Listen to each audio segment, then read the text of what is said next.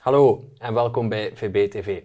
Net wanneer we dachten dat het niet erger kon met de straffeloosheid in dit land, dan plant Vincent van Quickenborne nog iets erger. Ik praat erover met mijn eerste gast vanavond, Marijke Dillen. Dag Marijke.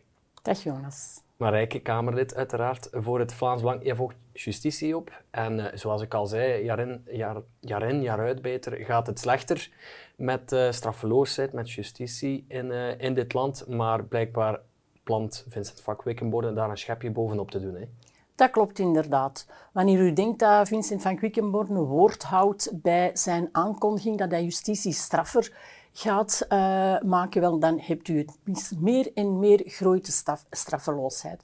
Om nu een antwoord te bieden op de capaciteitsproblematiek in de gevangenis, heeft hij een wetsontwerp klaar waarbij hij aan de meeste gedetineerden, niet allemaal, geen terroristen, geen seksuele delinquenten, maar aan de meeste gedetineerden een strafkorting wil geven van liefst zes maanden.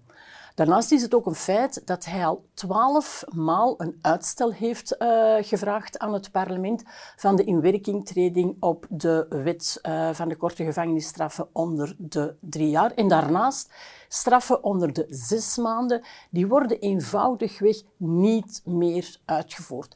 Hierbij mag je toch ook wel niet vergeten dat uh, men in dit land al zeer ernstige feiten heeft uh, moeten plegen vooraleer in de gevangenis te belanden. En aan die mensen nu wil hij nog eens een keer een strafkorting geven van zes maanden. Dat is voor ons werkelijk onaanvaardbaar.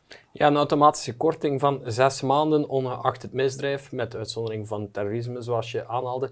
Bijzonder vreemd, bijzonder strafloos ook, maar ook bijzonder uh, ja, tegenstrijdig, want deze regering kondigde aan met een regeerakkoord dat alle straffen effectief moeten uitgezeten worden. Dat lijkt ermee in strijd. En bovendien, inderdaad, je hebt het daarnet kort, uh, kort aangeraakt, Vincent van Quickenborne heeft met heel veel poeha in de media verkondigd dat ook korte straffen, straf, zelfs straffen onder de drie jaar, effectief zouden uitgezeten worden. Dat blijkt toch uh, allemaal niet met elkaar te stroken. Dat is een juiste analyse die u maakt, uh, Jonas. Want in uh, het regeerakkoord van deze Vivaldi-coalitie staat werkelijk letterlijk dat alle straffen, ook de korte, zullen worden uitgevoerd.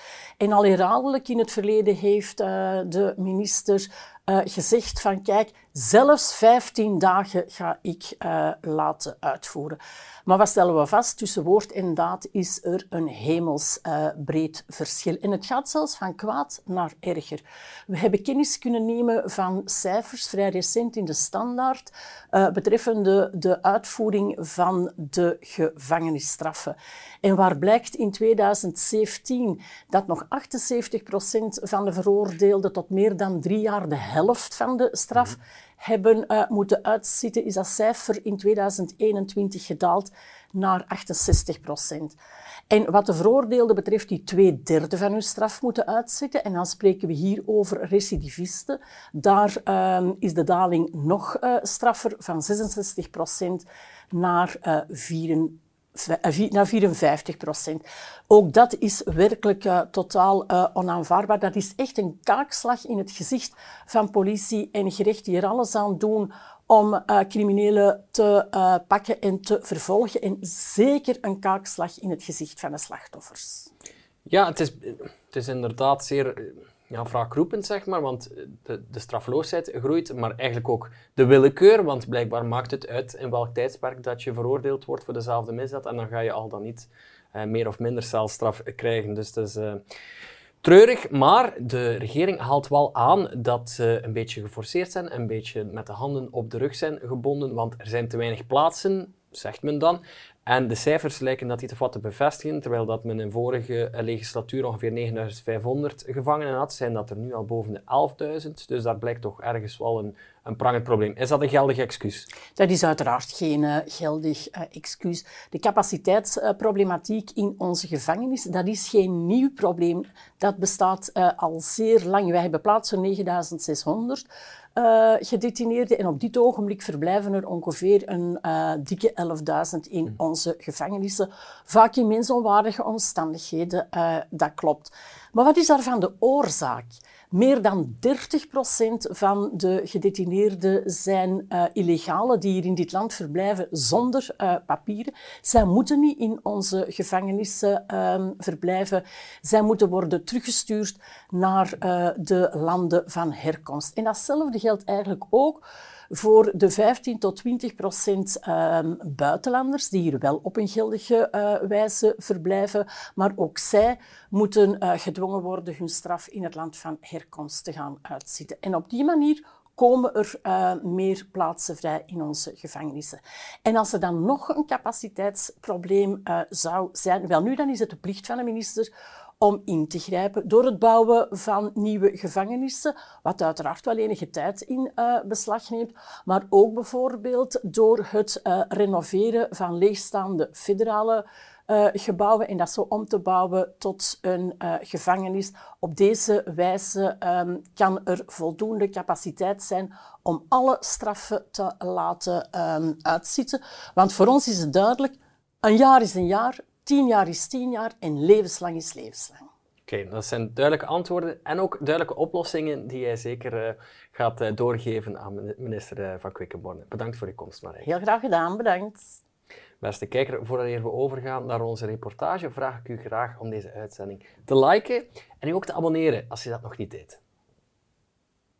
Laat zien dat je een trotse Vlaming bent en bestel deze gratis leeuwenvlag. Neem ze mee op camp of naar festivals of hang ze uit op je kamer of op 11 juli aan je balkon of raam. Samen kleuren we Vlaanderen geel-zwart.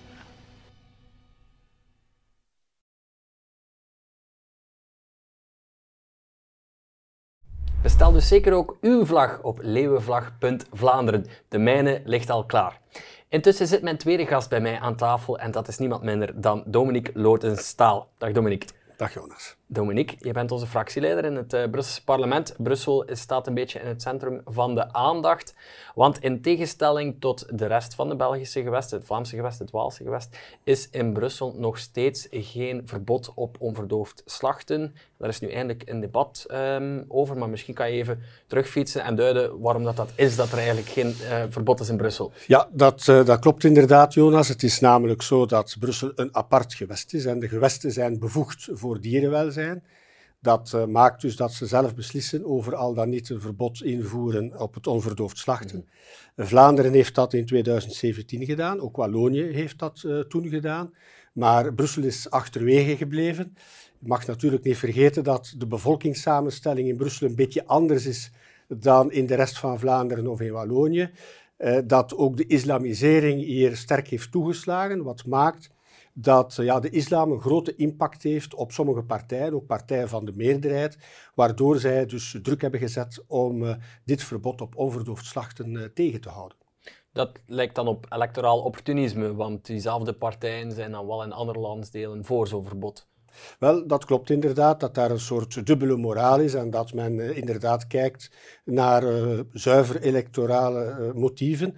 Uh, het is zo dat uh, in 2019, eh, toen ik zag dat in het regeerakkoord geen sprake was van een dergelijk verbod, ik onmiddellijk een voorstel van ordonnantie heb ingediend om dat verbod te kunnen laten invoeren. Uh, men heeft altijd vertragingsmanoeuvres uh, uitgevoerd vanuit Ecolo en vanuit de PS om die zaak niet te moeten behandelen. En men heeft dat altijd voor zich uitgeschoven. Op een gegeven ogenblik, een dik jaar geleden, heeft ook de NVA een dergelijk voorstel ingediend. Ze zijn ons gevolgd. En uiteindelijk uh, zijn we zover gekomen dat een paar partijen uit de meerderheid ook een voorstel tot verbod op het onverdoofd slachten hebben ingediend, waardoor uiteindelijk toch in de commissie het debat op gang is kunnen komen. Maar het is wel in de commissie weggestemd. Uh... Wel, eerst hebben we in de commissie een aantal uh, hoorzittingen gehad. Wat eigenlijk ook al een vertragingsmanoeuvre was, want die hoorzittingen zijn in Vlaanderen ook allemaal al. Alsof de kennis nog niet duidelijk genoeg is. De kennis was er, iedereen wist waarover het ging, maar bon, toch moesten er hoorzittingen mm -hmm. komen. Uit die hoorzittingen is uh, gebleken dat, uh, ja, dat er eigenlijk sprake is van nodeloos uh, lijden bij het, verdoofd, bij het onverdoofd slachten liever. En ja, ook experts, dierenartsen, hebben aan de hand van talloze wetenschappelijke studies aangetoond dat dat lijden er is en dat dat ook kan kan uh, vermeden worden en dat dat in overeenstemming te brengen is, zelfs met de godsdienstvrijheid, dat er dus eigenlijk geen argumenten... Er wa, ik pik daar graag op in, want over, over godsdienst gesproken, er waren niet alleen wetenschappelijke argumenten blijkbaar, maar toch ook uh, islamitische en, en in die zin... Uh, had iemand van vooruit daar een opmerking over gemaakt. Ja. kan je daar nog even Ja, dus juist. Hè, men heeft dus vanuit de hoek van de tegenstanders, zeg maar, eh, gestuurd door de islamlobby in het gewest, heeft men allerhande manoeuvres uitgevoerd, onder andere uh, pseudo-experts ten tonele gevoerd.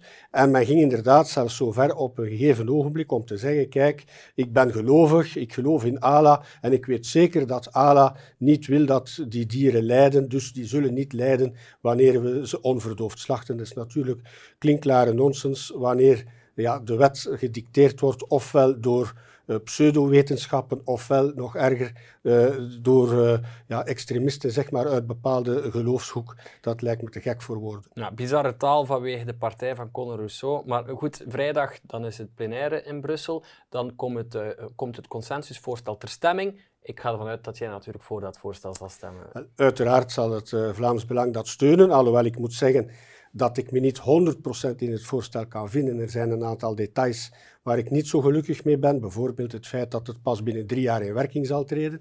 Maar natuurlijk, elke stap uh, vooruit is een stap vooruit.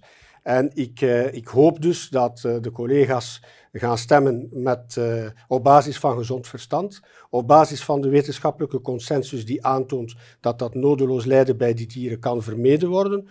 ik hoop dat men kiest voor het voortschrijdend inzicht van dierenwelzijn, dat toch ook voor een stuk onze beschaving kenmerkt.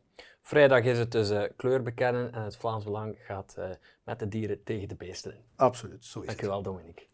Beste kijker, laat ook zeker uw reactie achter onderaan in de reacties. En ik zie u graag een volgende keer.